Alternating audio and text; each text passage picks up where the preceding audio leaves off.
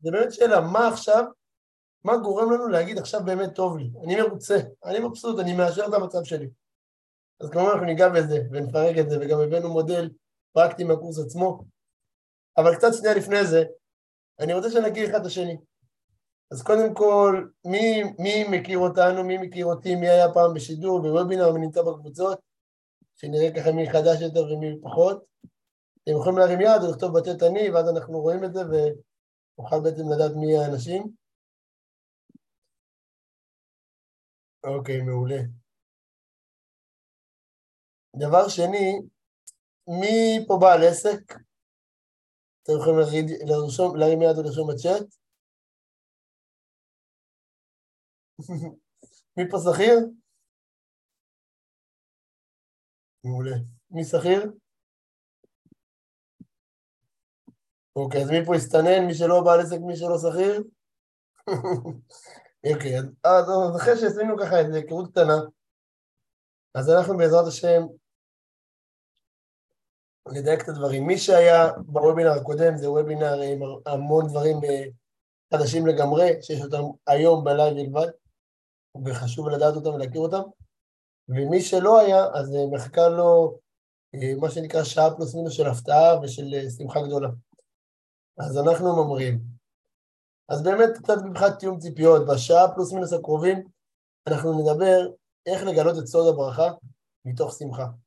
הרבה אנשים ידברו איתכם על הברכה, על הריבוי, על הכסף, על הזוגיות. הרבה אנשים ידברו איתכם על, על דברים טובים בחיים.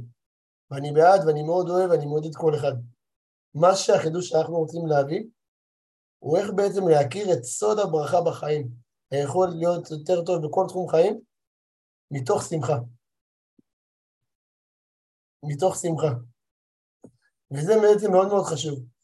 כי הרבה אנשים, הרבה אנשים לא מבינים את המשמעות של שמחה מתוך התהליך. בעצם אומרים, בסדר, תשמע, צריך לעשות, אז עושים. צריך לעשות, צריך ללכת, אז הולכים. צריך לעבוד, אז עובדים. הכל כזה צריך כזה, הכל בלחץ, הכל בעצבים, הכל בעייפות. ואז מה קורה? גם כשמגיעים בפועל לאיזה הצלחה, גם כשבפועל מגיעים לאיזה נקודה שאמרת, וואלה, טוב לי, באמת הצלחתי, שמתי מטרה, כבשתי אותה, שמתי מטרה, כבשתי אותה. באותו רגע עדיין הבן אדם לא מרגיש שמח. וזה דבר שהוא ממש, ממש, ממש מפתיע. למה?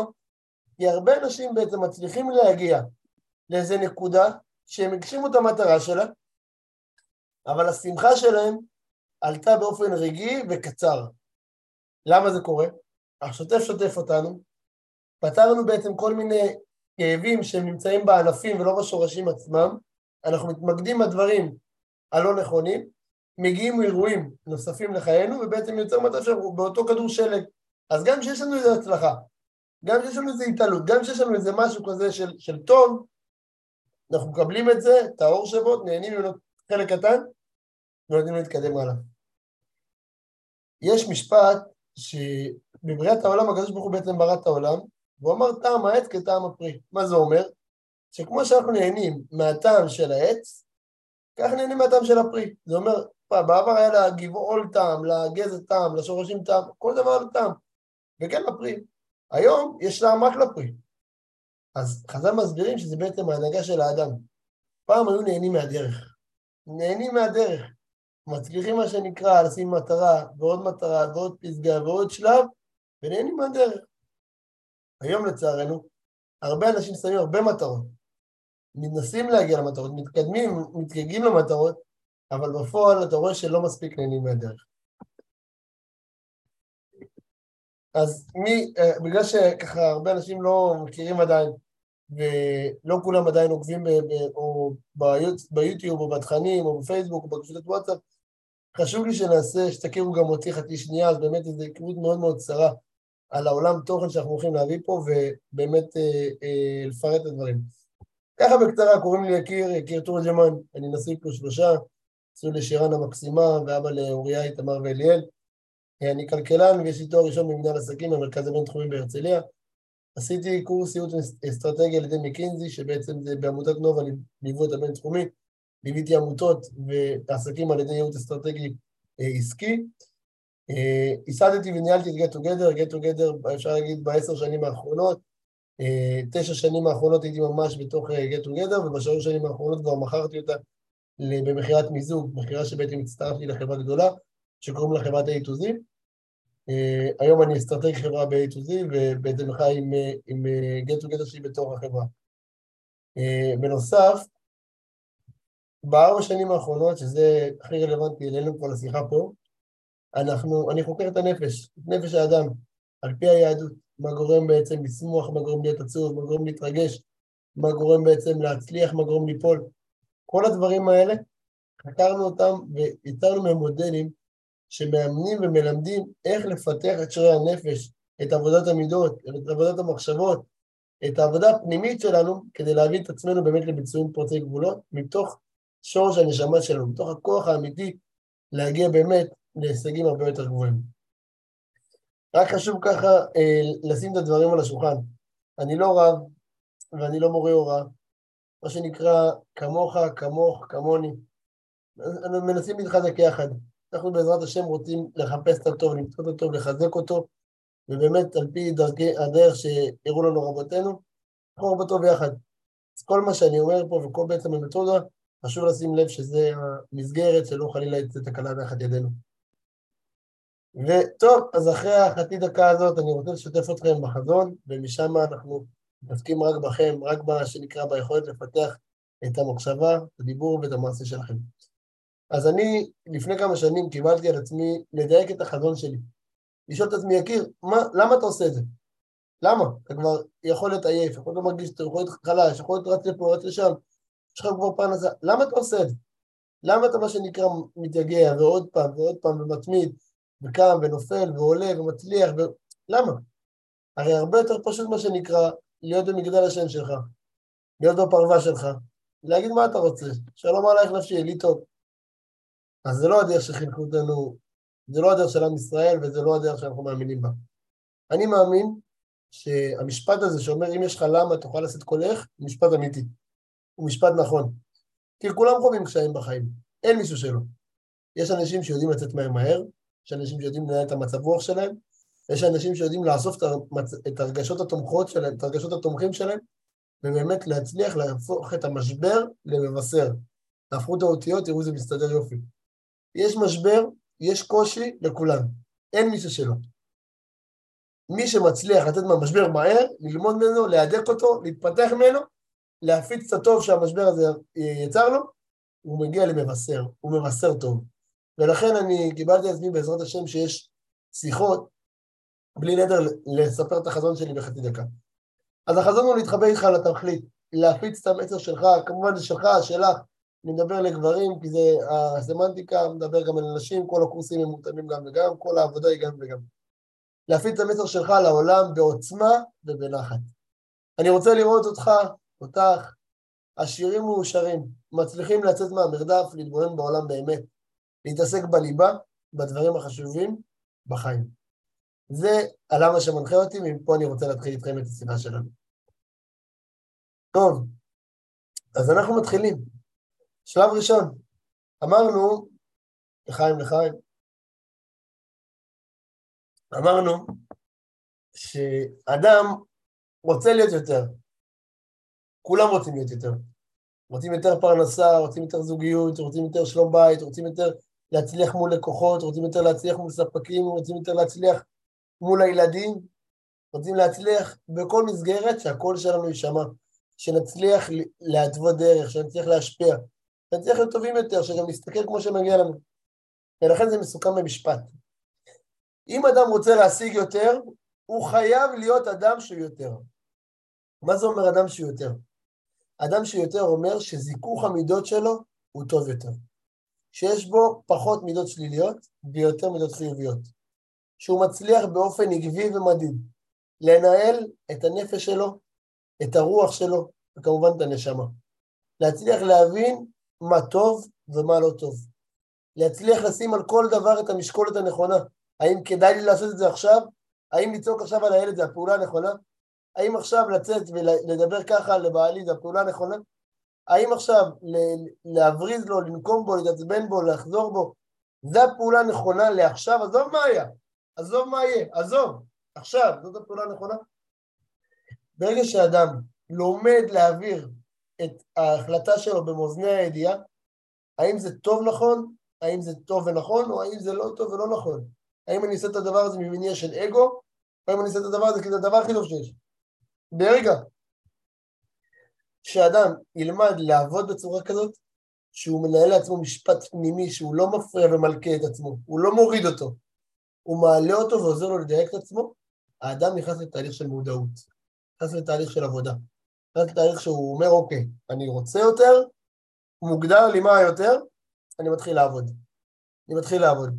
עכשיו, להתחיל לעבוד זה, זה, זה כיף, זה מדליק, זה, יש, זה מסע. התחלנו בחיים, עליות, ירידות, כל אחד ומה שנקרא ומה שמתמודד. אבל יש מכנה משותף, שאם לומדים אותו, את המכנה המשותף הזה, החלק שלך, חלק שלך, חלק של כל אחד ואחד מאיתנו, חלק הזה בפאזל מצליח להתחבר לחלק השני, לחלק השלישי, לחלק הרביעי, ככה כל החלקים שיש ובאמת לייתר תמונה. והתמונה הזאת זאת החיים שלנו. אם אנחנו יודעים לחבר את התמונה הזאת, זאת החיים שלנו.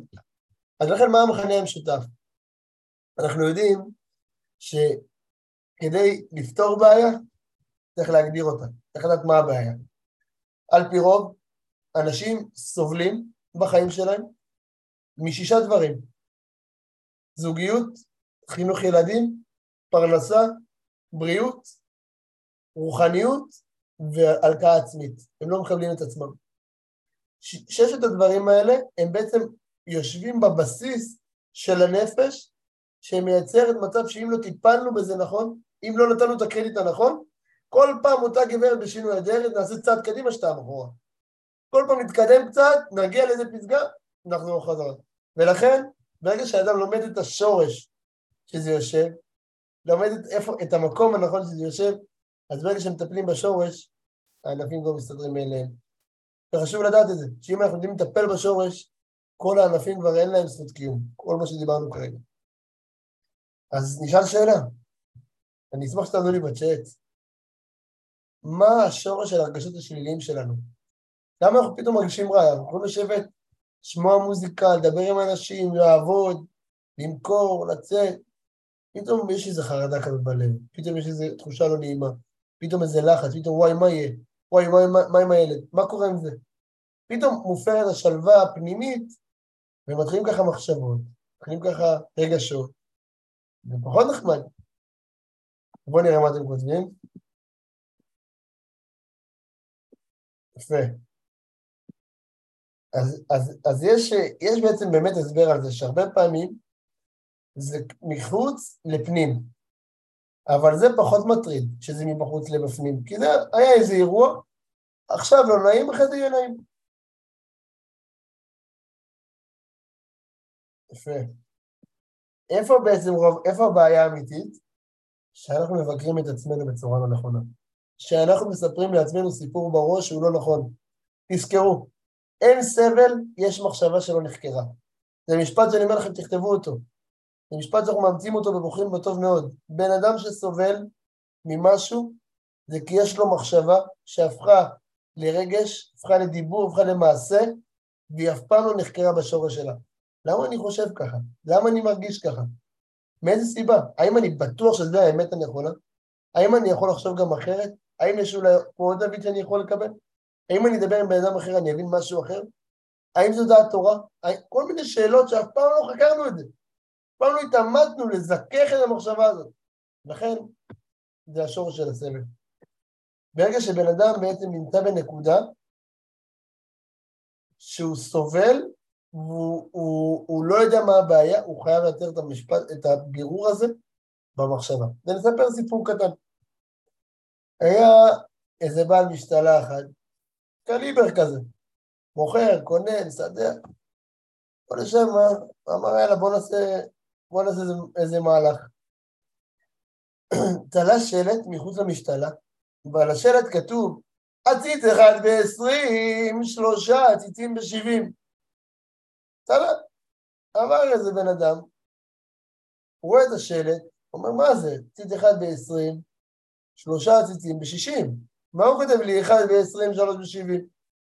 מה, הוא מרמה אותי? אני עכשיו אחזיר לו בכוונה, אני אעשה לו דווקא, אני אראה איך אני מנצח אותו. קנה עציץ ב-20, יצא החוצה. חזר עוד פעם, קנה עציץ ב-20, יצא החוצה. חזר עוד פעם, קנה עציץ ב-20, יצא החוצה. אחרי שהוא קנה שלושה עציצים ב-60, הוא בא למוכר ואומר לו, אתה רואה? אתה רצית לדפוק אותי, אני דפקתי אותך.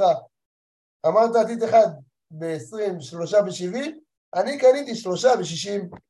אז המוכר אמר לו, אתה לא הבנת, אם לא היית שלט, אפילו עציץ אחד לא היית קונה.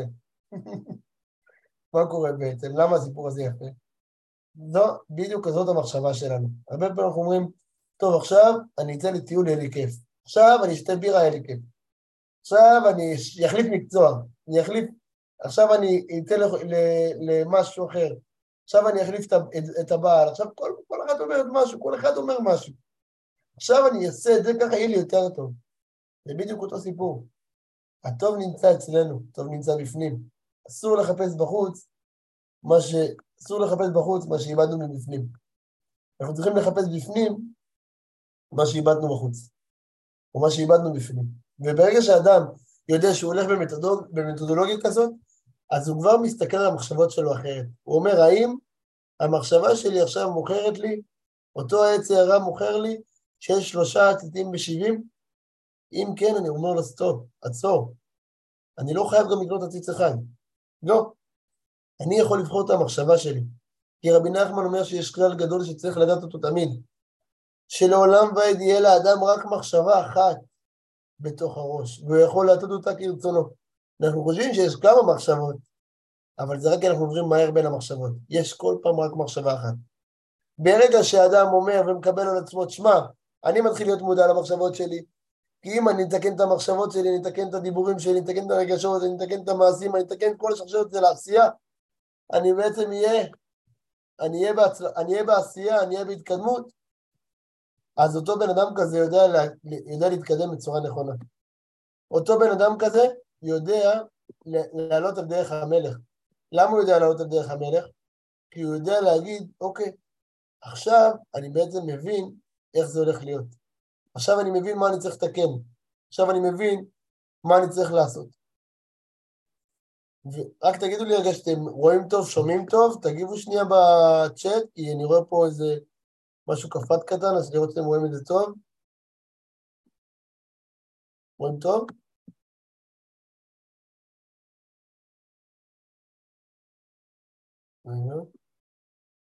יופי, רואים את המצגת?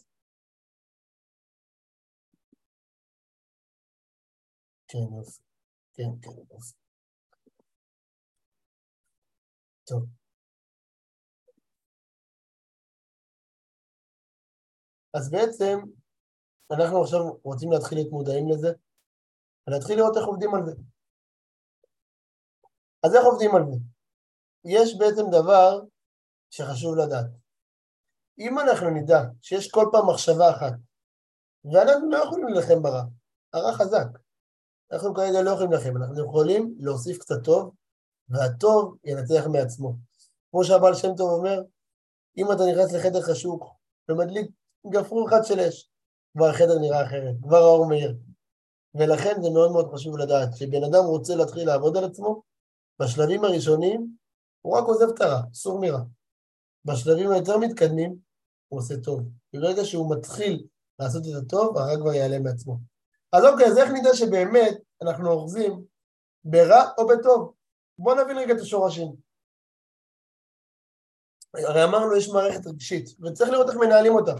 אז אם אדם כועס, מרחל, מתגאה, מקנא, לא שמח, אדם עצוב, שזה ההחלטה הכי מסוכנת.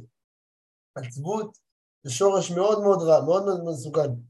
טרוד, עצבני, חרדות, יש עייפות תמידית, אתה רואה בן אדם מרביץ 4-5 קפה שחור ביום, אחי, מה יש לך? כמה קפה? אלה נשאבו. ממה אתה שבור? מה קרה? ישנת שבע, שמונה שעות בלילה, מה? אין. הנפש שלו עייפה, כך למטה.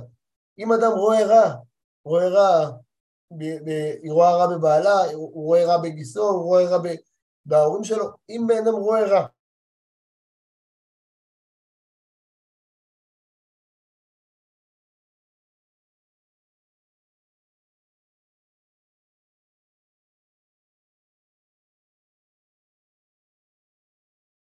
זה ככה, אני רק אומר, אלה השורשים שאנחנו יודעים שיושבים.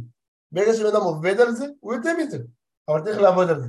בעזרת השם, ברגע שבן אדם מתעסק בזה, הוא, הוא מוציא את הרע מעצמו, הוא חופר את, ה, את ה, מה שנקרא, את הרמה, את העומסים על הלב של העפר, ומתחיל להיות עם לב נקי יותר. אז כרגע, ברגע שבן אדם הוא לא חי בהודיה, הוא לא יצרני, כל הדברים שכתובים פה, אז ברגע שאדם ידע שיש לו את המחשבות האלה, כרגע חל עליו אותו, אותו, אותו יצר רע, אותו הרגשה רע, אותו דבר רע, שזה יוליד את הרע. לכן צריך לעשות רגע אבחון. איך אני מרגיש עכשיו, זו שאלה, היה אה, מבחן בארצות הברית של מיליארדרים, לא של מיליונרים, של מיליארדרים, אנשים שהם חיים באיזשהם, בעצם הגיעו להון עצמי של מיליארד דולר ומעלה, וניסו לבדוק מה המכנה המשותף שלהם, מה המכנה המשותף. וראו בעצם שיש שני דברים שהם חוזרים עליהם הרבה. אחד, הדבר, כאילו, הדבר העיקרי, הם שאלו את עצמם, איך אני מרגיש? איך אני מרגיש? אני עכשיו, ה- הילד עושה לי משהו, הלקוח עושה לי משהו, איך אני מרגיש עכשיו? אני מרגיש רע? למה אני מרגיש רע? בוא אני אחקור את המחשבה, אני אחליף את זה למחשבה טובה. בוא אני אחפש בו, אני אגיד לו, אני אסתכל על מה אני יכול להכיר לו טוב. בוא אני אאסוף את הנקודות הטובות. בעצם יצאו מהרגשות השליליים מהר. והדבר השני, זה אימצו דפוסי התנהגות מהר. הם הבינו שאם משהו לא נכון, המכירה הזאת היא לא מכירה טובה, העבודה הזאת היא לא עבודה נכונה, אין פה באמת ROI חיובי, הם לא אמרו, טוב, אולי בגלל... לא, מהר חתרו עבור. זה המכנה המשותף של מיליארדרים, על פי המחקר שהתפרסם. ומפה יוצא משפט שאני גם ממליץ לכתוב אותו, אני גם ממליץ לתרגל אותו. שאמרנו, רגע, אז הבנו רגע איך המערכת הרגשית עובדת, מבחינת המחשבה מייצרת רגש, יש רק מחשבה אחת, איך שולטים בה עם באיזה דרך. וצריך להתחיל לפתח את זה עוד שלב. כי בן אדם, הוא לא מטפס למטרות שלו, הוא נופל להרגלים שלו. זה אומר שאם יש לי הרגלים גרועים ומטרות בשמיים, אז כל פעם אני אעלה ואיפול. יחשוב במעוף והרגליים יהיו מחוברות לקרקע, יעלה ויתרסק. על פי רוב, רוב העליות והירידות של בני אדם נובעים בגלל זה. כי המוח והלב שלהם לא באותו קו. הם לא יודעים להגיד את העלייה, הם לא יודעים להגיד מתי הם בירידה, ואז בעצם הם חווים את היכל התמורות, טראח, טראח. המטרה שלנו היא לצמצם, לחוות עליה בירידה. פעם אחת אה, הרבי מלובביץ' הגיע לבית חולים, ואמרו לרבי, תראה, הלב שלו עובד, תראה איזה יופי, עולה ויורד. אז הוא אמר, זה חיים, זה מראה שהוא חיים, אם זה קו ישר זה מת, ככה גם בחיים. אם בן אדם אין לו עליות וירידות, אז הוא לא חי באמת. זה העולם, העולם עליות וירידות, אנחנו רוצים לצמצם את הפער. זה אומר שאם יש לי עלייה, אני לא ארגיש וואו, איזה טירוף, אני ארגיש טוב. ואם יש לי ירידה, אני לא ארגיש באסה, זה בסדר. ברגע שבן אדם לומד לאזן את עצמו, להיות באמצע, אז הוא קודם כל נהנה הרבה יותר מהדרך, כי הוא פחות מתרגש מהרע שיותר מצוי, והוא יותר מעריך את הטוב, שבעצם הוא יודע לזמן את זה לחיים שלו בתדירות גבוהה יותר. וברגע שבן אדם בעצם מתפקס על עצמו, מייצר לעצמו קשיבות, קשיבות פנימית, יוצר לעצמו הרגלי חשיבה הנכונים, דפוסי התנהגות חדשים, הוא בעצם מייצר לעצמו רה-ארגון למפה שלו. הוא מצייר רה-פוקוס ובעצם יכול להתעלות הרבה יותר.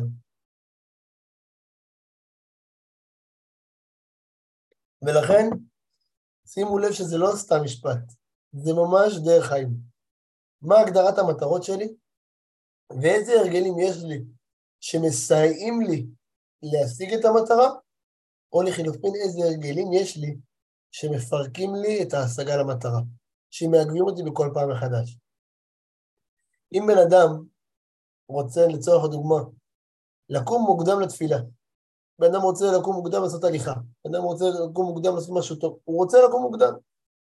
אבל יש לו הרגל ב-12 בלילה להיכנס להתקלח, ב-1 בלילה לראות סרט, שתיים בלילה לאכול, ושלוש ייכנס למיטה. הוא לא יכול לקום מוקדם.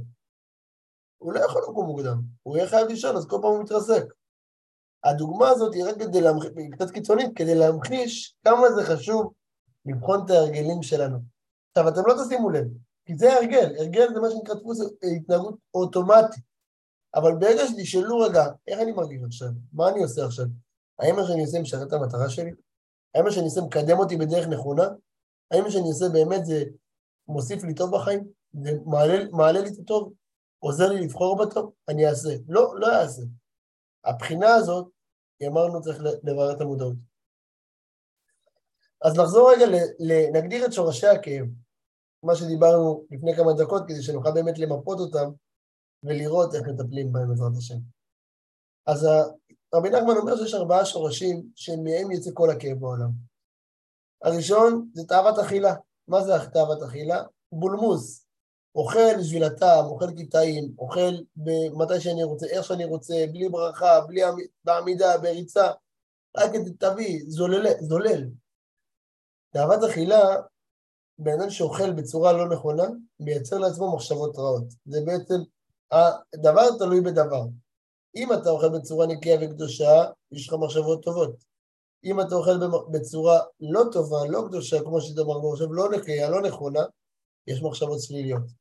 עכשיו, בגלל שאמרנו בכל הפתיח של השיחה בינינו, היא כמה חשוב לזכך את עבודת המחשבה, אנחנו מבינים שעבודת האכילה היא עבודה קשה, אבל היא גם הכי קל לפתור אותה. כאילו, זה בליץ של כמה ימים שצריך לסגל הרגלי האכילה חדשים, ויוצאים בדרך חדשה. תאוות ממון. תאוות ממון היא בעצם כסף בשביל הכסף, או לא שבע מהכסף שלי, לא שמח בחלקי, רוצה עוד ועוד ועוד. יש לך כבר שלושה בתים, שתי מכוניות, אתה מטייל, אתה נוסע, לא עוד ועוד ועוד, ולהרבות. הכסף הזה הוא שלעצמו, כסף זה טוב שיהיה ליהודי, צריך שיהיה כסף. צריך להיות עשירים, צריך רווחה, אין בעיה. אבל למה הכסף שלך משרת? האם הוא משרת את, ה, את הכבוד שלך, את העוד כסף שיהיה, או האם הוא משרת את, ה, את הדברים הנכונים, את הפאזל שבאת לתת פה בעולם הזה. תאוות ממון מייצרת עצבות. ברגע שבן אדם נמצא בעצבות, בעייפות, בעצלות, נמצא ברגשות כאלה של חוסר סיפוק, ידע שהוא יושב על אחד מהדברים שהוא צריך לעבוד עליהם זה תאוות ממון. תאוות כבוד, זו תאווה מאוד קשה. כי בן אדם שיש לו את התאוות כבוד, הוא כמעט כל פעם סובל מחדש. מה זה תאוות כבוד? הלאה, הוא לא הזמין אותי לבר מצווה שלו, של הבן שלו, אני לא מזמין אותו. ההוא לא הגיע, אני, הוא לא עמד שבאתי, הוא לא נתן. כל פעם הוא בהתחשבנות עם הבריות. כל פעם הוא אומר, לא כיבדו אותי, מגיע לי את הכבוד. אותו תאוות כבוד מייצרת בעצם מצב שהאדם נמשך בעצם לכעס, נמשך ל... לחרדה, נמשך לתלונות על הבריות. וברגע שאדם לא עובד על התאוות כבוד האלה באופן רציף, לכולנו יש את זה וזה פשוט מכרסם. למה המנהל דיבר עליו ככה ועליי ככה? למה לא כתוב סמנכ"ל ולא כתוב מנהל? איך הוא קידם אותו לפניי? כל פעם השאלות האלה מכרסמים. ברגע שהן מכרסמות את הש... השאלות האלה אותנו, אז כמובן, איכות החיים נפגעת. והאחרון זה תאוות ניוף. ניוף זה כל מה שקשור ליחסי אישות בינו לבין כאמור זה תכף בקדושה. ברגע שאדם עושה את זה בקדושה, יכול להביא ילד לעולם. אין עושה בטומאה זה דבר שמאוד בעייתי. ולכן, אהבת ניאוף זה עושה את זה לא בטהרה, לא בקדושה, לא במקום הנכון, לא בזמן הנכון, לא, לא בנישואין, כל מיני דברים כאלה. העבירות האלה של הניאוף הן בעצם מייצרות שהכוח נגמר, אין כוח. אין כוח. הדעת נחלשת, השכל מדלדל, בעצם בגלל שכל הדבר, כל הפריאה והרבייה וכל העבודה הזאת היא נמצאת על הדעת, ברגע שאדם מאבד את זה, הוא חלילה מאבד את הדעת. ולהחזיר את הדעת זה דבר קשה. חז"ל אומרים, דעת קנית, מה, חזר, מה חסרת? דעת חסרת, מה קנית? ברגע שלאדם יש דעת, כי הוא רואה את הטוב ואת הרע, הוא יודע אחד זה, אני מאוזן, טוב לי, אני מאשר את המצב שלי, אני שמח, אני מתקדם קדימה, מה שיהיה לך בחיים יהיה לך טוב, אתה תצליח, אתה תעבור כל משבר, אתה תגיע לתכלית שלך בפסגה. אבל אם חלילה בן אדם אין לו את הדעת הזאת, אין לו את העבודה הזאת, אין לו את הרצון הזה, אין לו את הכיסופים להגיע לדעת, כל משבר קטן, מישהו הרים עליו טיפת הכל, אשתו אמרה לו, זה לא מתאים לי שאתה הולך, חבר שלו אמר לו, תשמע אחי אתה לא בסדר, פה בעסקה זה לא טוב, ההוא לכלך, ההוא שיקר, ההוא רימה, הבן אדם נשבר, נשבר ומתרסק. הבן אדם נשבר ומתרסק. ולכן מאוד מאוד חשוב לדעת את זה. כל מי ששואל על הקלטה, אה, צריכה להיות הקלטה מקווים שלא יהיה בעיות עם ההקלטה, וגם יכול להיות שיהיה אה, שידור נוסף גם ביום שישי, אני אדבר על זה בסוף. אה, למי שהצליח או לא הצליח, אני אדבר על זה בסוף. אז אל תבנו על ההקלטה, אבל בתקווה שיהיה ויהיה בטוב. וזה התאוות ניאוף. ברגע שעכשיו בן אדם מבין איזה בעיות אני מתמודד איתן בחיים, עצבות, עייפות, עצלות, קושי, חולשה, אין דעת, משברים קטנים שוברים אותי, כל... ידע לאיזה שורש לשייך את זה. על מה צריך לעבוד באותו הרגע, באותו תקופת בחיים, מה מצופה ממנו, מה השכל שבכל דבר שדורש ממני להתבונן בעצמי ולתקן את עצמי, לזכך את המידות שלי יותר, להתעלות יותר באותו הדבר. וכמו שאמרנו קודם, כאשר מטפלים בשורש, כאשר מטפלים בשורש, הענפים מסתדרים מאליהם. עוד שנייה, אוקיי. בואו נמשיך. אז אמרנו, אוקיי, הבנו את הרגשות, הבנו את, ה, את, ה, את העבודה הזאת של הרגש. אני רוצה רגע לרדת עוד שלב, לממה נוצר כאב. אז כאב, רבי נחמן מסביר שיש ארבעה, רבי נחמן בליקוקוטי המארון מסביר בעצם את תורת הנפש, מפרט את הטיפול בנפש. והדרך, כל, כל, כל בחסידות בעצם, את עבודת הלב. אז מבינים שיש בעצם ארבעה דברים שהם הם בעצם מפרקים את ה... הם מייצרים את הכאב התדיר. הם מייצרים את השיברון הזה. אחד מהם זה הרצון לקבל. מה זה הרצון לקבל? אם תסתכלו, כל פעם שהתאכזבתם, שנפגעתם, שכעסתם, היה כי ציפיתם לקבל משהו. ציפיתם לקבל מילה טובה, לא קיבלתם. ציפיתם לשטוף כלים בבית, שיגידו לכם כל הכבוד, לא קיבלתם. ציפיתם שיתייחסו אליכם יותר יפה ממה שאתם מגיעים הביתה, לא קיבלתם. ציפיתם שהילד יגיד לך, אבא, מה שלומך? והוא נשאר במשחק שלו, לא קיבלת. ציפית שהלקוח ישלם בזמן, הוא לא שילם. כל מיני דברים כאלה שיש לנו במהלך החיים לכל אחד ואחת, של ציפייה של משהו, של איזה רצון לקבל משהו, וזה בעצם לא מתקבל. עכשיו, אם זה לא מתקבל, אז נוצר את הרמה הזאת בלב, נוצר את העומס, נוצר את המחשבות השליליות, זה הופך לדיבורים, זה הופך לרגשות שליליים, זה הופך לדיבורים שליליים, ובעצם הכדור שלג הוא בירידה. אבל מצד שני, אם בעצם בן אדם לומד לקבל על מנת להשפיע, הוא אומר, נכון, אני רוצה לקבל, אבל אני לא רוצה לקבל בשבילי, אני לא רוצה לאגור, אני לא רוצה להיות כוס.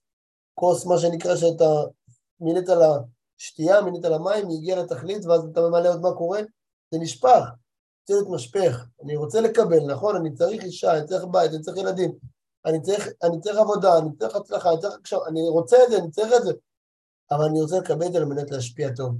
ואז אוקיי, אם לא קיבלתי משהו, אז רציתי את זה על מנת להשפיע, לא קיבלתי את זה עכשיו, אני אקבל את זה פעם אחרת. בעצם ההמתנה באותו ציפייה משתנה. ואם תסתכלו, המתנה זה אותיות מתנה. למה זה אותיות מתנה? כי אנחנו צריכים ללמוד להמתין. הרבה פעמים בן אדם ממתין. אני כבר בת 46 ולא התחתנתי, הבן שלי כבר אוטוטו בן 32 ועדיין לא יצא עם אף אחד.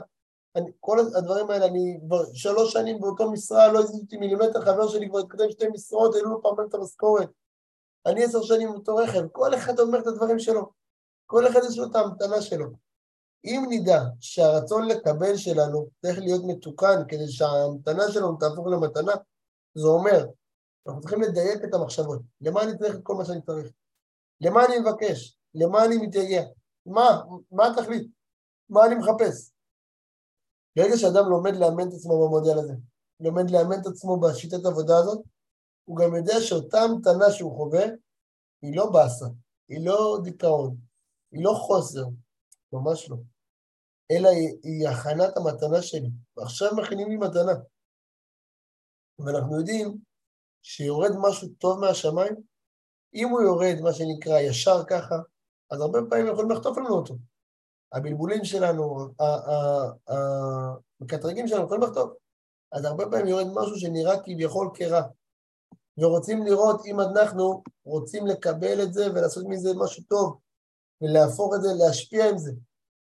אז לכן מנסים אותנו באמונה, מנסים אותנו בכעס, מנסים אותנו בעצבות, מנסים אותנו לראות כל מיני, איך אתה בין אדם לחברו. אם אני יודע שעכשיו אני משחק אותה ונותן בראש ואומר, אין לו מלבדו, הכל בטוב, אני מאמן את אשרי הנפש, הוא לא בא להרע לי, הוא בא לאמן אותי להיות בן אדם טוב יותר, אני רוצה להיות טוב יותר, והוא עכשיו מאמן אותי. אני לא מתרגש ממנו, אני לוקח את השלב הזה כאימון. באותו הרגע, כבר לא צריך את הצולופן של המשהו שנראה כביכול כרע. אפשר לתת לך את המתנה, להפוך לך את המתנה אפשר לייצר רווקים יכולים להתחתן, בריאות יכולה להסתדר, פרנסה יכולה להסתדר. לא כי יש איזה משהו קוסמי, אלא כי ירד משהו עם הטיפה שכביכול רע, ואומרים לך, תתנסה באמונה ואני מפרק לך את כל מה שנראה כביכול רע. אני אראה לך את הטוב המוחלט והמובהק באופן משמעי, חד משמעי. וברגע שאדם רואה באופן חד משמעי, רואה את הטוב מול העיניים שלו, יכול גם להגיד תודה, יכול גם ליהנות מזה באמת. כי אנחנו יודעים שהעולם נברא, ויהי ערב ויהי בוקר יום אחד. העולם התחיל מחושך. מהחושך יצא אל האור. אם הבן אדם ישר מקבל את האור, אין לו כלי לאכול את זה, ליהנות מזה ובאמת לקחת את זה לטוב. וברגע שבן אדם לומד את עבודת ההמתנה, לומד את עבודת הרצון, הוא גם מדייק את זה. ואם אני אקח את זה שלב אחד קדימה, איך נוצרת מציאות? איך נוצרת מציאות?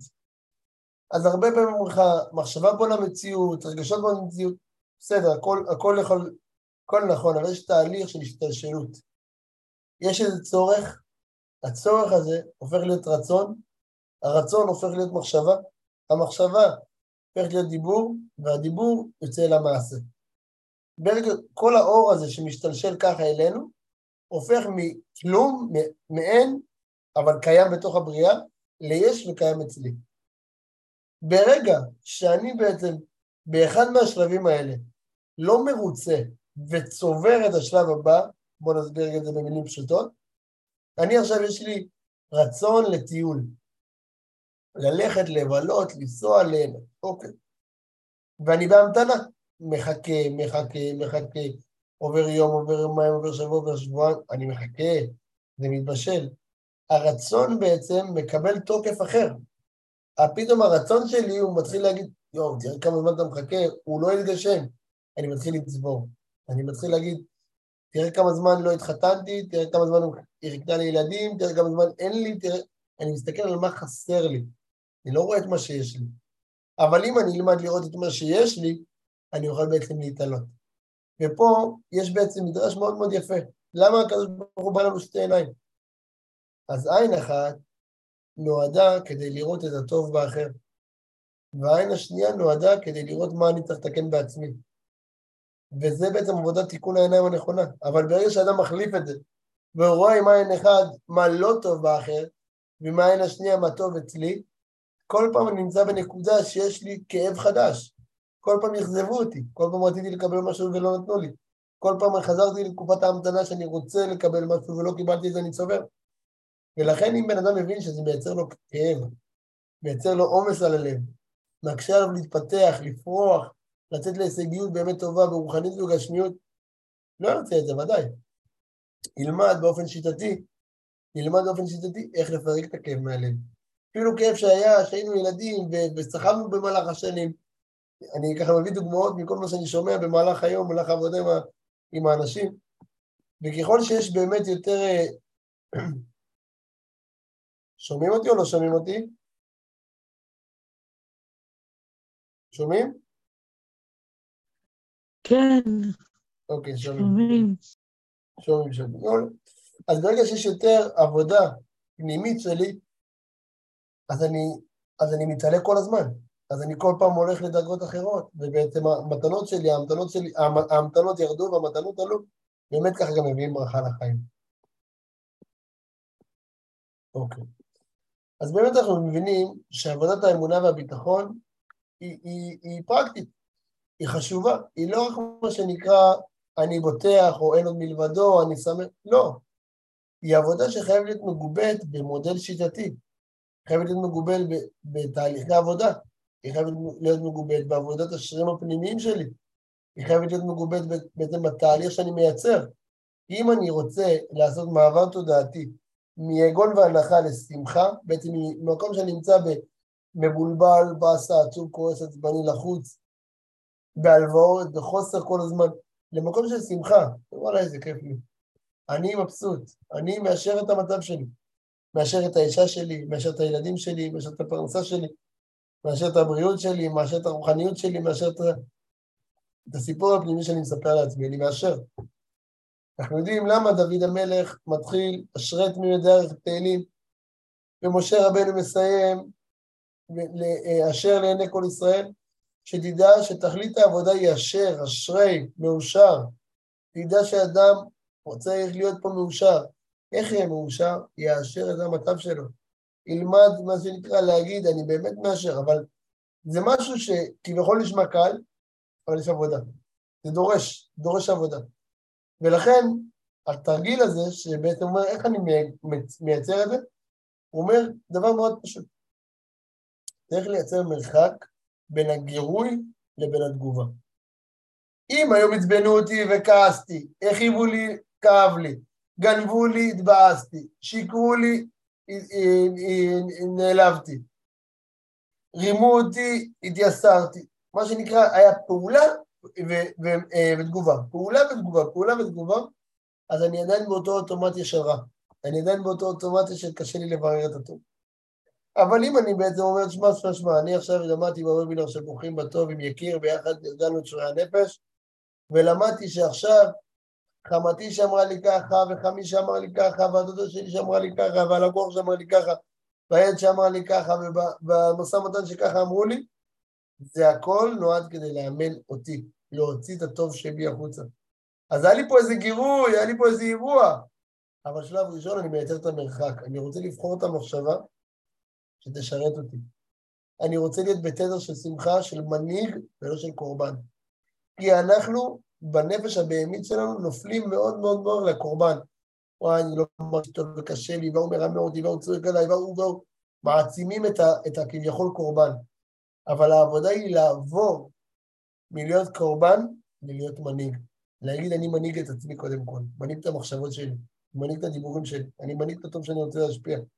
אני באתי להביא את החלק לפאזל הזה לעולם, אני לא הולך לוותר עליו כל כך בקלות. וברגע שאדם יודע שלכל אחד ואחת מפה, כל אחד מאיתנו, יש את זה בפנים, זה קיים, זה בילדין. אנחנו רק צריכים ללמוד איך לשפצר את זה ולהוציא את זה כלפי חוץ. אז בעצם התרגול התודעתי הזה של לייצר מרחק בין הגירוי לתגובה, לבחור את המחשבה הראשונה ולראות אם נכנסה מחשבה שלילית להחליף אותה מהר בחיובית, אם, אם בעצם נכנס מצב של אני מפתח מחשבות שליליות, לעצור, להחליף, כמו שדיברנו עד כאן, אז בעצם האדם מתחיל לעבוד עם שיטה. כמובן שצריך שיטה, צריך דרך, צריך אימון, אבל יש פה כבר מתודולוגיה שעוזרת מאוד מאוד להתקדם. כדי שזה יקרה, צריך ללמוד מנגנון ההתחדשות. מנגנון ההתחדשות זה אחד המנגנונים שאני משתדל לדבר עליו במקומות שבעצם יש אפשרות לפתוח דף חדש. בחיים שלנו, הרבה מקומות לא נותנים לך לפתוח דף חדש, אבל מי כן ייתן לכם לפתוח דף חדש? אתם בעצמכם. אם אנחנו בעצמנו נפתח עם, עם הלב שלנו דף חדש, נלמד את המשפט, מה שהיה היה, מה שהיה היה. אני לא יכול לתקן את העבר, לא יכול לתקן את העבר, זה היה. עכשיו אני מתחיל מההתחלה. אני משתמש בשכחה שלי לא לשכוח דברים חפתי, לשכוח דברים שעשו לי רע. אני לא סוחב את העבר אל העתיד, אני סולח באופן מוחלט. למה אני סולח? לא בשבילו, בשבילי. לא למענו, למעני. אם אני אקח את הרמה שלו על הלב שלי, אין מצב שאני אצא מהרע אל הטוב. אני סולח לבעלי, לדוד שלי, לחברים שלי, אני סולח כי אני רוצה להשפיע את הטוב בעולם. איך אני אסלח? אני אראה את הבן אדם שעשה לי כביכול רע, ואני אגיד, וואלה, הוא חנן אותי ממשהו הרבה יותר קשה. הגיע לי משהו יותר קשה, והוא המתיק לי את זה, הוא היה שליח להטיב לי. אני רוצה להגיד לו תודה בלב שלי, עדיין לא בפה. בלב שלי אני רוצה להגיד לו תודה על כל הפעמים שהוא הכיר לי טוב כל החיים. כל החיים, אם זה בעל, אם זה אישה, אם זה ילדים, אם זה חמה, אם זה... מה הוא עושה לי טוב? אני רוצה בלב שלי להגיד לו תודה על הטוב שהוא עשה. כל החמלה שלי תשתנה. אני אצליח לראות פה את הנקודות הטובות, אני אצליח גם לסלוח. ברגע שאדם הוא, לא, הוא סובל מכישלון, אז הוא לא מבין את, המשפ... את, ה... את ההנהגה שכישלון זה חלק מההצלחה. הוא לא מבין של ויהי ערב ויהי בוקר, שחייב לעבור את הערב הזה, שזה חלק מהמשחק, לא צריך ללכת מזה. לומדים איך להכיל את זה ולצלוח, עוברים דרך האש הזאת. ברגע שאדם בעצם, הוא משנה את התודעה שלו לתודעה של גישה עצמית מעודדת, ניתוח, שימור ושיפור, הוא מצליח להתחדש. הוא מצליח, מה שנקרא, לייצר חלופה רגשית לעצבות. בגלל שאין ריג בנפש, כל פעם יש רגש. אז אם אני לא בשמחה, אני בעצבות. אם אני לא בשמחה, אני בדאגה. אם אני בדאגה, אני לא בשמחה. שני הפכים. ואם אני לומד בעצם את העבודה, איך כל פעם לצאת מהרגשות של העצבות, של שלילי, עם רגשות חיוביים, אני מייצר כל פעם, מה שנקרא, ממלא את הריק, ממלא את החלל של הרגש, ויכול להתעלות, להתקדם ובאמת להשפיע טוב יותר.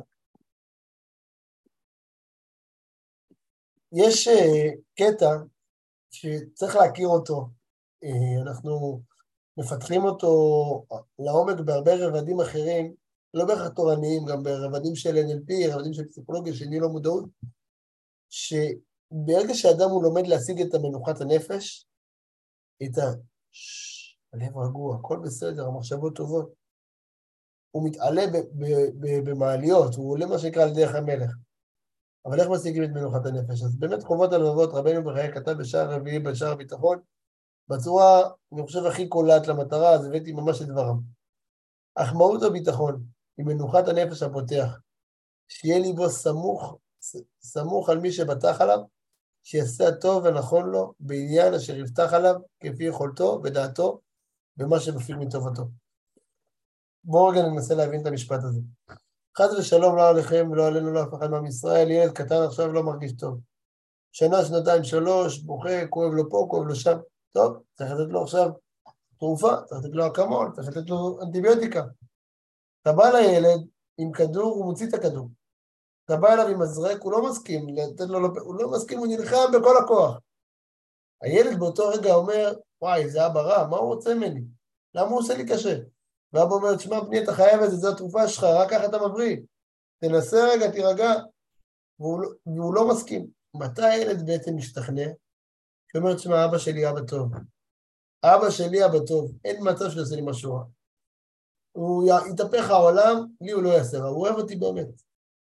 הוא אוהב אותי.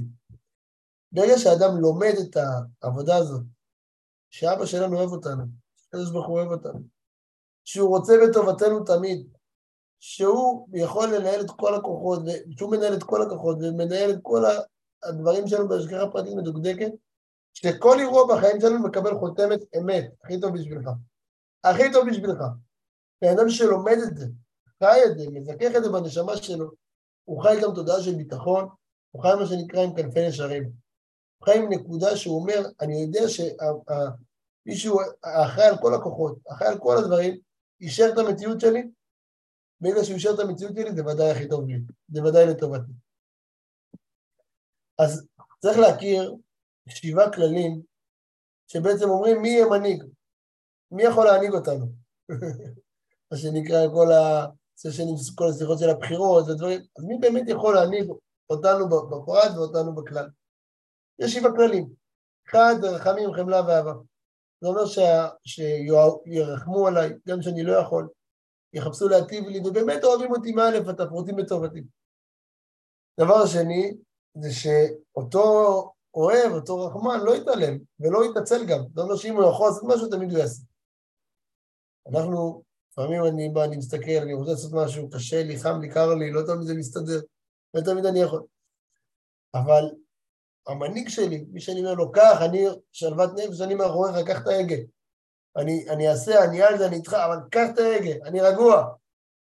זה גם הכי חזק, שאם יבואו אליי, חס ושלום, פורענויות, או ליסטים, או אנשים רעים, ידע לבלום.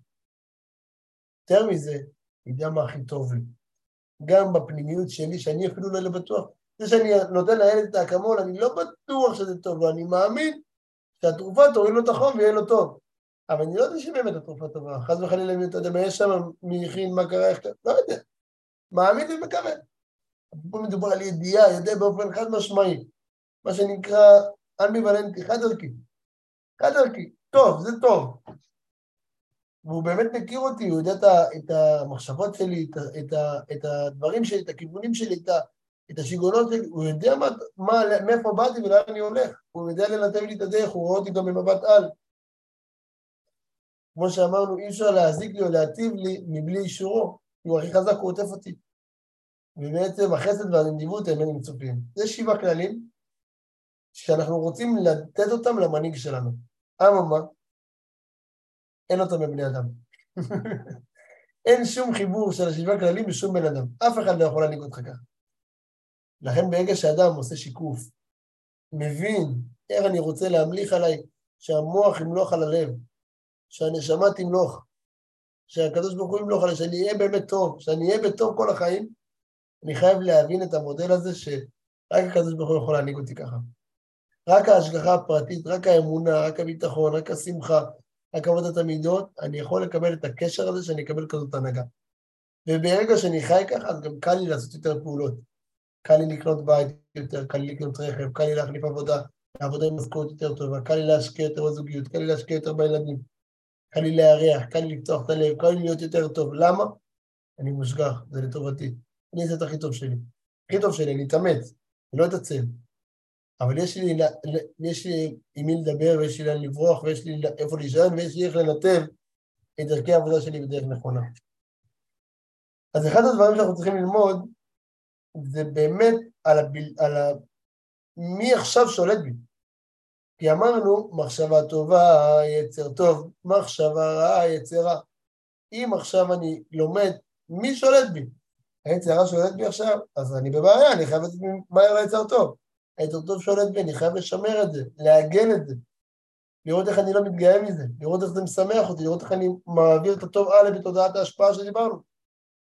ולכן אם יש לנו מחשבות של נמרצות, משמעות בעבודה, סיפוק, מגיע בן אדם ואומר, תשמע, אני רוצה להחליף עבודה. מה יש לך? למה אתה רוצה להחליף? כבר לא כיף לי. למה לא כיף לך? אין, כבר לא כיף, כבר משעמם. מה, אתה, למה, אתה לא מסתכל טוב? מסתכל מצוין. האנשים לא טובים. מה, צניעות, צניעות, צניעות, אז למה? משעמם. אז יש לנו איבד את המשמעות בעבודה.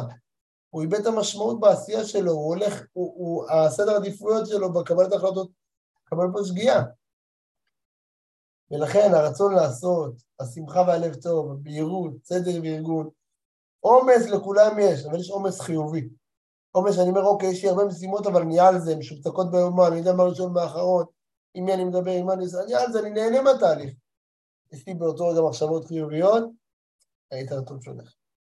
חס ושלום הפוך, אם אני עייף, לחוץ, מבולבל, עצוב, כועס, יש לי דאגות ומתח, אם במקום עומס חיובי, יש לי עומס שאני מפרק אותו כוואי, מה יהיה, ואיך אני אעשה, ולאן אני אלך, וצר לי לחץ ועומס, יש לי בעצם מחשבות שליליות, באותו רגע רע שלו. הכלי הזה הוא מאוד מאוד עוזר להבין איך למנף את הטוב.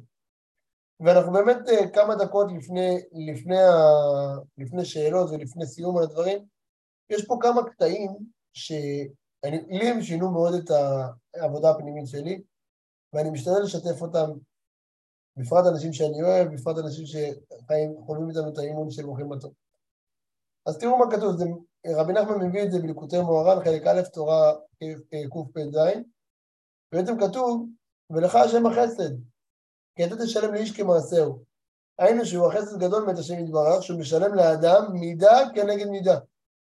מה שנקרא אין דבר יורד מתחת המקם, ראשי תיבות מקם, מידה כנגד מידה.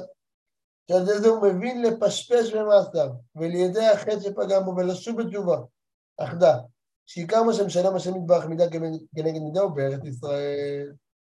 זה שכתוב על ארץ ישראל, ארץ אוכלת יושביה, ראשי תיבות, אתה תשלם לאיש כמעשהו. ועל כן, היושבים שם בארץ ישראל, יש להם על פי רוב איסורים, מחמת שממהרים שם לשלם לאיש כמעשהו. מה אנחנו לומדים? תכלס, למה בן אדם סובל? למה הוא לא נהנה? אתה לא מספיק טוב לחבר שלך. אתה לא מספיק, את לא מספיק נגד מידה כנגד מידה. את רואה את הבריות בעין רעה, את רואה אנשים את הרע שבהם. אתה רואה מה שנקרא, את הדברים הלא טובים. ובגלל שהכל פה זה מידה כנגד מידה, ובארץ ישראל ממהרים לבדוק את זה, אז חווים גם את האיסורים. אם בן אדם רוצה לקבל טוב, מי פה רוצה לקבל טוב? תרימו איתי רגע יד. מי פה רוצה לקבל טוב? רוצה לראות את החיים שלו טובים. בואו נראה אתכם שנייה. מי רוצה לקבל טוב?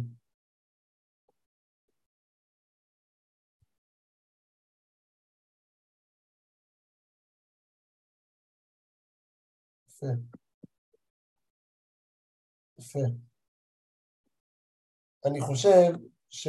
שלפעמים זה יותר קשה לדבר בוובינר, או להגיד כן ולא, אבל תכלס, כולם רוצים לקבל טוב. כולם רוצים להגיד את הטוב שלהם. כולם כולם. וככל שאדם לומד את זה יותר, גם יזכה לזה יותר. אז אנחנו רואים שאם בן אדם רוצה לקבל טוב, חייב קודם כל ללמוד איך לתת טוב. איך להיות בן אדם טוב יותר, איך להתעלות באמת.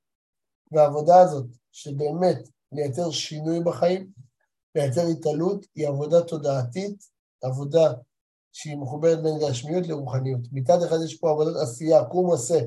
מצד שני, יש פה גם עבודה של איך אני חושב. איך אני, מה הסיפור שאני מספר לעצמי? מה הסיפור? לפני כמה זמן, שהיה לי איזה משא ומתן בעבודה שהוא היה ככה מורכב, אני לא רוצה להגיד את הגוף, אבל ככה עם גוף מאוד מוכר, ואמרתי לעצמי, אוקיי, אם אני עכשיו, מה שנקרא, נכנע בסשן הזה, ולא, ומתבאס על הבן אדם מולי, הפסדתי הכל. עזוב את הכסף, עזוב את העסקים, הפסדתי את הלב שלי, הפסדתי את הבן אדם. ולכן ברגע שהרגשתי כך שהבן אדם היה, לא הייתי בו טוב, ולא על זה, התחלתי בלב לחפש בו נקודות טובות, להסתכל בו את הטוב, לראות למה הוא טוב. והקשבתי לו, לא דיברתי, רק חיפשתי בו דברים טובים. אתם יודעים מה קרה לי באותו רגע?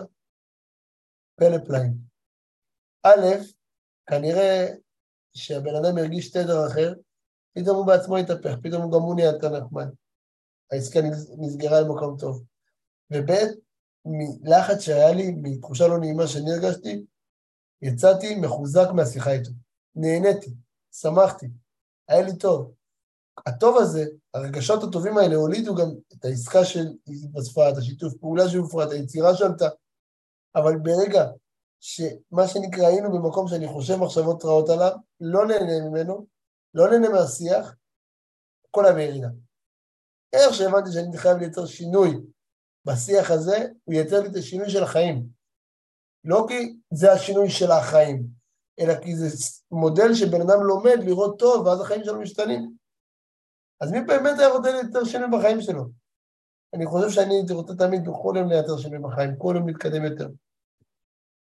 ואני רוצה רגע לסכם. הפיתוח, איך בעצם הפיתוח שעברנו קשור לשגשוג, להצלחה כלכלית, להצלחה אישית, לפריצה? אנחנו יודעים שהגוף הוא כלי רכב להפצת הבשורה. כל אחד הגיע עם, עם משהו שהוא יוניק, מיוחד בו, יש לו כלי להשפיע. ושהנשמה בריאה, הגוף בריא, הלב והמוח באותו קו, הרבה יותר קל לקבוע יעדים במשפחה, בזוגיות, בחינוך ילדים, בהגשמה עצמית, ברוחניות, בסיפוק העצמי, לפרק אותם למשימות ולהשיג אותן אחת אחת, הרבה יותר קל. אם הלב והמוח ככה באלכסון, אז קשה. כל פעם יש פיל, אה, אה, עיכול ופיתול, ואני לא בטוח וכן בטוח, וזה לא מסתדר. אני מתייאש, אבל אם זה אותו קו, אני על הגשר. ולכן בעצם אני רוצה לעודד אתכם, ויחד איתכם, לצאת מאזור הנוחות, להשתפר, להתעלות. כמו שפתחנו ואמרנו שאדם מתעלה, באמת כל העולם מתעלה איתו. אם אנחנו נחיה עדיין בימים של עלייה וירידה בצורה שזה משפיע באופן ישיר לביצועים שלנו, הפסדנו את כל המשחק. ולכן אנחנו חייבים לאמץ את תודעת הפי עשר, תודעת שליחות. לבדוק במה אנחנו טובים, מה אנחנו אוהבים, איך אנחנו יכולים לעזור עם, עם הטוב שלנו לבריאה, איך אנחנו יכולים להועיל, להועיל זה לא בהכרח בכסף, ולעזור זה יכול להיות גם בכסף, וכמובן, איך אני מצליח לדאוג שאני מסיים כל תקשורת עם בן אדם בווין ווין. יותר מזה, אני מאתגר אתכם, היום יום רביעי, קחו לעצמכם עד רביעי הבא. כל בן אדם שסיימתי איתו תקשורת, בין אם זה משפחה, בין אם זה אישה, בין אם זה בעל, בין אם זה ילדים, בין אם זה עבודה, כל בן אדם. אני צריך שני עקרונות, שני עקרונות שאני רוצה לעבוד איתם. אחד, לסיים איתו בכף זכות. אני מסיים איתו בכף זכות. הבן אדם הזה בן אדם טוב, הבן אדם הזה משפיע, לא משנה לי מי הוא, לא משנה לי מה הוא. לחפש דבר אחד. לא מצאתם, תלכו על זה עד שהוא היה תינוק. תחפשו משהו. ודבר שני, בתרגיל הזה, התקשורת חייבת להסתיים בווין ווין. זה אומר, הוא קיבל, אני רק רציתי לקבל ממנו משהו, או שגם נתתי לו. נתתי לו זמן, נתתי לו עצה, נתתי לו חיוך, נתתי לו שמחה, נתתי לו משמעות. ברגע שאדם לעשות את הדבר הזה, לומד את זה, הוא חי אחרת. זה ממש מעניין אותי. בוובינרים אני שם את השקופית הזאת, זה מאוד מעניין אותי לראות מי נהנה. מי מרגיש שהמצב רוח שלו קצת התעלה? יש לו איזה אנרגיה חיובית, יש לו איזה... בוא'נה, ירדו לי כמה סימונים, אני הולך לפצח את זה בעזרת השם, אני על זה. אני טורף את העולם עכשיו. תנו, תנו רגע ידיים, תרימו רגע שאני אראה מי נהנה, כל הזום שאתה לא מרגיש את האנשים, זה מאוד מאוד חשוב, שנראה רגע מי באמת, יש לו תובנות, יש לו, אני יודע שהרבה אנשים רואים, הם, הם עושים בדרך עוד דברים, ומי שאיתנו, תגיבו רגע, אני רוצה לשמוע. איזה יופי. יפה. זה מאוד מאוד חשוב, שהתוכן הזה הוא מרומם את הנפש בעצם. אז באמת מה שהיה לנו עכשיו זה טעימה מתוך הקורסים של ברוכים בטוב, שברוכים בטוב זה פיתוח אישי עם פאנץ' יהודי. ושאלתי גם את השאלה, כמה שווה לבן אדם להטיל מטרות, להשיג אותן, להצליח להתמיד, להיות עם קבוצה תומכת, להיות עם בן אדם שמאמין בכם, שרץ איתכם, גם כשנופלים להצליח לקום, לעבוד עם תוכנית עבודה אישית להשגת המטרות וליישם אותן, ומה שהכי פרקטי, להצליח לחדש את משאבי האנרגיה. כמה זה צריך לעלות, כמה זה עולה. אז שמתי פה טיפה מחירים, שיבינו אנשים מה זה להצטרף אלינו בוובינר, ומה זה להצטרף באופליין. פגישה איתי של שעה עולה 500 שקלים פלוס מע"מ, זה 585. שלוות נפש, שמחה מתחדשת עבודה על האישיות, לא שמתי לזה מספר, כי אני לא חושב שבאמת יש לזה ערך. בן אדם שהוא חי וטוב לו, הוא ניצח את המשחק, כבר לא מעניין אותו כל הדברים, הוא נהנה הרבה יותר, זה לא באמת, זה הרבה יותר מהכסף. בתהליך אישי של כל, של, של מה שנקרא, שעובדים שנה שלמה, טוב מאוד מאוד אינטנסיבית, עולה 36,000 שקלים, שזה סכומים יקרים, אבל היום הוא מצב הרבה יותר טוב. מי שנשאר פה בוובינר, מי שרואה את השידור הזה, מי שאיתנו כרגע, בעצם מבין שזה אנשים שרוצים לקחת את החיים שלהם שלב אחד קדימה. אנשים שרוצים להשתפר, להתעלות, להגיע לפסגה טובה יותר.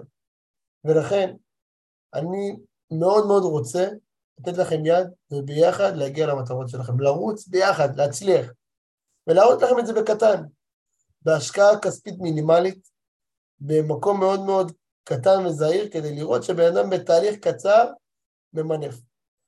ארזנו קורס, שזה קורס שהוא מאוד מאוד מאוד מוצלח, אנשים ברוך השם אומרים עליו דברים נפלאים, שהקורס הזה בעצם הוא, הוא 40 יום לברכה. 40 יום, מראשון עד חמישי בכל ימי החול, מקבלים סרטון לוואטסאפ או למייל, סרטון קצר של 7 עד 12 דקות. בסרטון הזה מורידים את האסימונים, לומדים את התרגולים, מפתחים את כל המודלים שדיברנו ברמת הפרקטית. יש משימה קטנה שגורמת לנו להיות על זה. יש חוברת עבודה, יש פורמטים שלומדים איך לפרק את המחשבות בצורה נכונה. נכנסים לקבוצה של אנשים שהם כמוך, כמוני, כולם מתאמנים, כולם רוצים את הטוב, כולם מחפשים את ההשפעה ונמצאים ביחד. זה קורס שגם אם אתה לא עושה אותו עכשיו, הוא שלך לעד, יש שם משתמש בסיסמה, אפשר גם עוד שנה אבל לפתוח אותו וליהנות ממנו. הקורס הזה בעצם, הוא עוזר להגיע לברכה באופן מובהק מאוד, כי מגדירים מטרה בתחילת הקורס, הרבה אנשים מגדירים פרנסה, הרבה אנשים מגדירים זוגיות, הרבה אנשים מגדירים חינוך, שלום בית, הרבה אנשים מגדירים רוחניות, כל אחד מגדיר משהו טוב לו. הוא הכי רוצה לייצר בו פריטה מהירה. ויוצאים בתהליך הדרגתי, שממש מפרקים את זה שלב אחרי שלב אחרי שלב, מחברים בין המוח לבין הלב, מחברים בין הרוח נפש נשמה, מצליחים להתקדם יחד איתי ביחד. או בעצם, או במוקלט, שיש בעצם הקורס כבר כולו הוקלט ורואים את זה בזמן שלכם, או בלייבים איתי, ממש 40 לייבים שרצים על הדברים קצרים וממוקדים, ובאמת נותנים לנו מים קיים לנפש היפה. אז זה באמת כלי אדיר לחיים, ועשינו את זה במחיר שווה לכל כיס, כי אנחנו יודעים שמי שמכיר אותנו ועדיין לא רכש, יצטרף לקורס הזה היום. שלפני שהמחיר עולה, לפני שהדברים משתנים, לפני שככה מחכים שמשהו ילך ויתפספס, אלא במקום באמת לעבוד ולהשתפר. ומי שכבר עשה את הקורס הזה יכול לקחת את הקורסים האחרים. מי שלא מכיר, זה דרך מעולה להכיר אותנו. במחיר של ארוחה זוגית במסעדה, אפשר לקנות תהליך אישי של פיתוח שישדרג לנו את כל החיים, החיים אחר כך, באמת אין לזה מחיר. אני רוצה רגע לשים לכם פה בצ'אט את כל ה... את כל ה... את כל הפרטים, שמי שרוצה ייקח את זה קדימה, יצטרף. שנייה.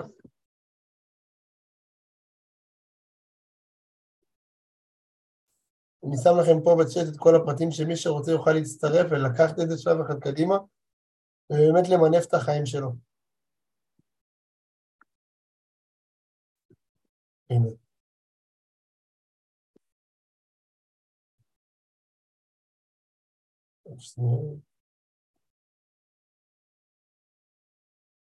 הנה, שמתי את זה פה עכשיו בצ'אט.